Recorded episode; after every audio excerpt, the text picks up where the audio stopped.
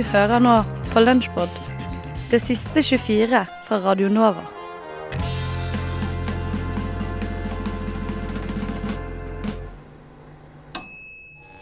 Oh, yeah, my, my point. Feminism is not about being better than men. Is it? Et eget rom prøver å finne ut hvor mye feminisme egentlig kan være. Hver mandag på Radio Nova.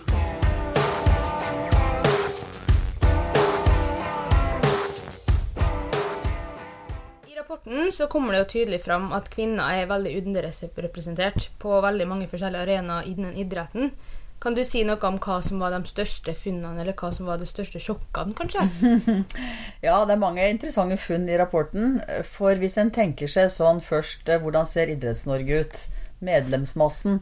Det er jo over to millioner medlemskap i norsk idrett.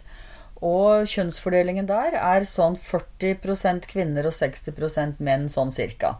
Og det har vært et stabilt tall i mange år. Men når en da går inn og ser på hvem som bestemmer i norsk idrett, eller har verv, så blir det tydeligere Har det vært en tendens til at jo lenger opp i organisasjonen, jo færre kvinner. Og hvis en ser på trenernivå, så ble det litt overraskende tall. For der viste det seg at bare 8% av trenere på elitenivå er kvinner. Så det er veldig stor forskjell på type idrett, men også interessant ved det at mange idretter som det er overtall av kvinner i, så er det ofte menn som er trenere og ledere og generalsekretærer. Eh, Men på bakgrunn av det dere fant, hva vil du si er de største utfordringene? Eh, ja, idretten er veldig konservativ, så det skjer ikke så store endringer så fort. Så utfordringene er både en mentalitet i idrettsorganisasjonen og eh, deltakerne, både kvinner og menn, sine forestillinger om hvem som, da som på en måte bestemmer i idretten. Hvis en tenker på lagsnivå, så vil jo da veldig mange lag være trena av foreldre, og det er ofte fedre. Det er ikke så ofte at mødre kommer og trener datteras eller sønnens fotballag. Det er som regel fedrene som stiller opp. Du har jo sagt litt om det, eh, for at i rapporten så kommer det jo frem at de fleste som er trenere og dommere og ledere og styremedlemmer og sånne ting, er menn. Mm. Hvorfor er det sånn? Eh, Nå har det jo skjedd en liten endring, da. For det har blitt flere kvinner med, og det tror jeg skyldes mye likestillingspolitikk i Norge. Og at idretten har tatt inn over, seg generell politikk, og da har f.eks. innført regel om kjønnskvotering. Slik at det vi da finner i rapporten her, når vi da ser spesifikt på dette som kanskje går på kvotering, så oppfyller 20 av 24 særforbund som vi har undersøkt, kravet om kjønnskvotering på forbundsstyrene.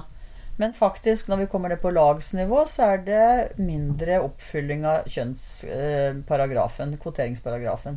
Vet du hvorfor det er verre på lagsnivå enn på de høye nivåene? Eh, Det tror jeg har litt med gjennomsiktighet og oppfølging. Fordi at eh, Idrettsforbundet er nøye med å følge opp særforbund. At eh, kjønnskvoteringsregelen følges. Og det kom en forsterkning, en påminning i 2007. Kjønnskvoteringsparagrafen kom i 1990 allerede. Så det har jo gått ganske sakte, og det var ikke så stor oppfyllelse. Så etter hvert så kom det en forsterkning av den, som betyr at du må søke fritak hvis du ikke da klarer å oppfylle den.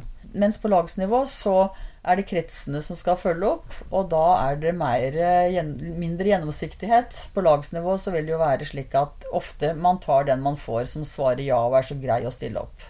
Idrett er jo også en arena hvor barn lærer alt fra holdninger og normer og hvordan man er en lagspiller. Tror du det har noen påvirkning at det er så mange menn på hvordan de egenskapene blir lært? Det som kanskje preger idretten, er at den er prega av kanskje mer maskuline verdier. Altså tøffhet, tåle en støyt, ikke syte for ingenting, være målorientert, dristig. Altså mange av disse karaktertrekk en tenker ofte er mer maskuline. Kanskje den type karakter blir forsterka med mannlige trenere. Det kan tenkes. Hello and welcome to Snakker ikke norsk!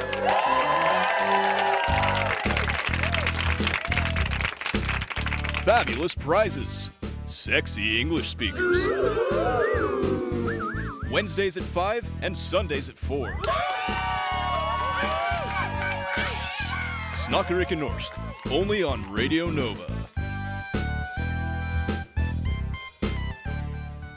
We are talking today about companies, corporations, uh, as being uh, one of the greatest invention of um, our modern era and humankind generally, probably. um, so, what is actually this weird animal we called uh, we call um, companies? This legal personality. Yeah, like that's exactly it. It's uh, it's a very scary concept, really. Um, back in the day, uh, the company and the person they were completely different things. And till this very day, you'd think logically, hey, uh, this company is just establishment or something of the sort. But nowadays, even with the advancement of law and whatnot, they're actually like they're actually treated as people. It's some people take that for granted, but that's actually a very interesting concept uh, because basically they get rights, they've got space, they can acquire things, they can go to jail, they can offend you, they can sue you. But Well, they- they can't really go to jail, but like jail, but um, yes, as they um, in certain uh, jurisdictions, ne- not in all, but um, they can be subjected to criminal law as well. Mm. Exactly, but they do not die. So technically, they're an immortal being that just go around doing whatever they feel like, and Hmm. So that's incredible. Yeah, it is incredible. like their life is actually um, being um, actually begins with registration. Uh, kind of making establishing a company but like the company really functions once it's uh, in an official national register. And it's it, it ends uh, its life by actually removing itself from this register. So it's like um, a very um, formalistic uh, way how uh, how a company lives. Yeah. Yeah. Uh, basically, we picked this topic this week because people looked at me and they were like, yo, what do you want to talk about? And I was like, ah, something that I'm excited about. And I'll try to, to make it sound exciting. And uh, I figured, you know what, let's talk about companies. And let's talk about how it started and how it began and how strong it is. Uh, for example, do you know that when it began, uh, normally in Europe, um, of course, there are different theories about this. Um, but it was as big as countries. They had enough power to buy armies and just raid different territories and do these things. And that that's I don't know. I find that fascinating. It is fascinating because some of the um, uh, biggest corporations actually uh, can work with uh, budget bigger than an annual budget of, of some uh, countries.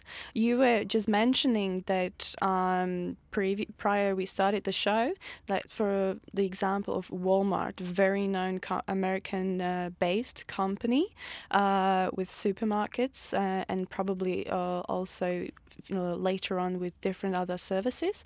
Uh, how many people do they employ again? They employ 2.2 million people. Like that's that's even like that's really bigger number that actually uh, some number of population of uh, small countries in Europe. That's amazing. Yeah, it's massive. And uh, uh, further on uh, throughout the show, we'll be detailing more about how it works and uh, some differences. Because it's easy for you to hate a businessman and look at him and say, oh, that CEO guy is just doing horrible things.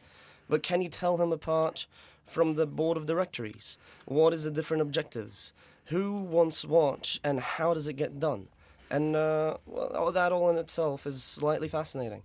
And um, Yes, because these subjects actually um, do uh, do not have just the objective of making profit, but when they are like influential enough, they have a, a complete theory behind what you're actually doing. So they can actually influence uh, public life outside um, um, outside actually making products and selling them. Yeah, it, it's a birthplace of many conspiracy theories. It's uh, it dictates what will be done and what can be done. For example, uh, the good old "Can we cure cancer?" Well, it's not profitable, so we won't cure it, and uh, so far so forth. Is uh, all of this is fascinating. Even uh, when it comes to, oh, do we eat what we want to eat, or are we kind of like telepathically, air quotes, uh, told what to eat just because you know.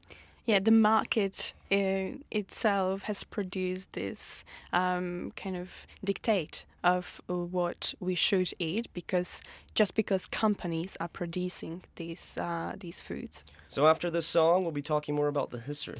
Ja, altså, Jeg blir så glad, fordi håret mitt får bare så utrolig fin glans. Den nye sjampoen jeg bruker, den er bare så utrolig. Og så er den rosa i tillegg. Og hunden min elsker rosa, ikke sant. Og det er skikkelig fin. Og så har jeg fått sånn ny rosa sløyfe som jeg putter på hunden min hele tida. Og den er så søt! Og bare plutselig så Å, kan du holde kjeft, eller? Jeg prøver å høre på Sorgenfri på Radio Nova.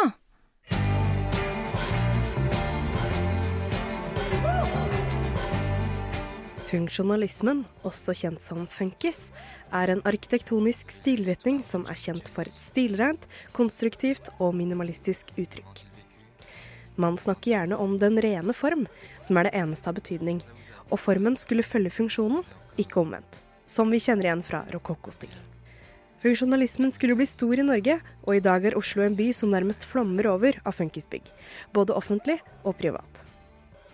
Med sitt utspring i 1920- til 1940-årenes The Stil, Bauhaus og russisk konstruktivisme er resultatet et geometrisk og stilrent uttrykk av materialer som stål, betong og glass. Funky-stilen var med på å bryte ned klasseskillet, da stilen var minimalistisk, hverdagslig, enkel og relativt billig å sette opp.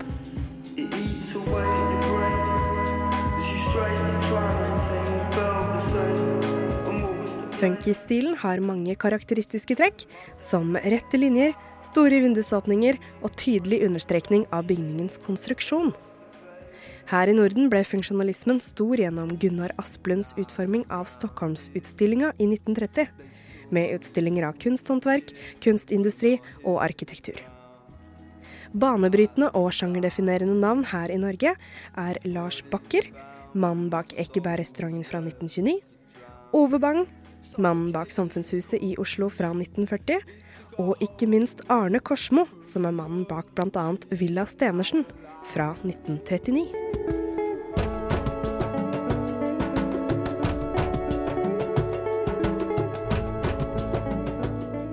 Den sagnomsuste Rolf E. Stenersen var aksjemann, essayist, skjønnlitterær forfatter, olympisk deltaker og en prominent kulturskikkelse i mellom- og etterkrigstida her i Norge. Men aller mest kjent var han kanskje som kunstsamler. Stenersen var en nær venn av Edvard Munch, og ble etter hvert en naturlig del av Oslos kunstsfære. Stenersen var opptatt av verkene til Munch og Ludvig Karsten, men vendte også blikket mot internasjonale kunstnere som Pablo Picasso og Paul Klee. Stenersen måtte ha en bolig som reflekterte europeiske strømninger, og engasjerte Arne Korsmo til å tegne Villa Stenersen i 1935. Fire år senere sto villaen klar i Tuengen allé. En hvit koloss av reine betongvegger, brutt opp av glassbyggerstein, og en knallblå kontrastvegg i perfekt symmetri med hagen rundt. Glassbyggersteinen og de store, sprossefrie vinduene sørga for at interiøret og Stenersens kunstsamling fikk optimal belysning.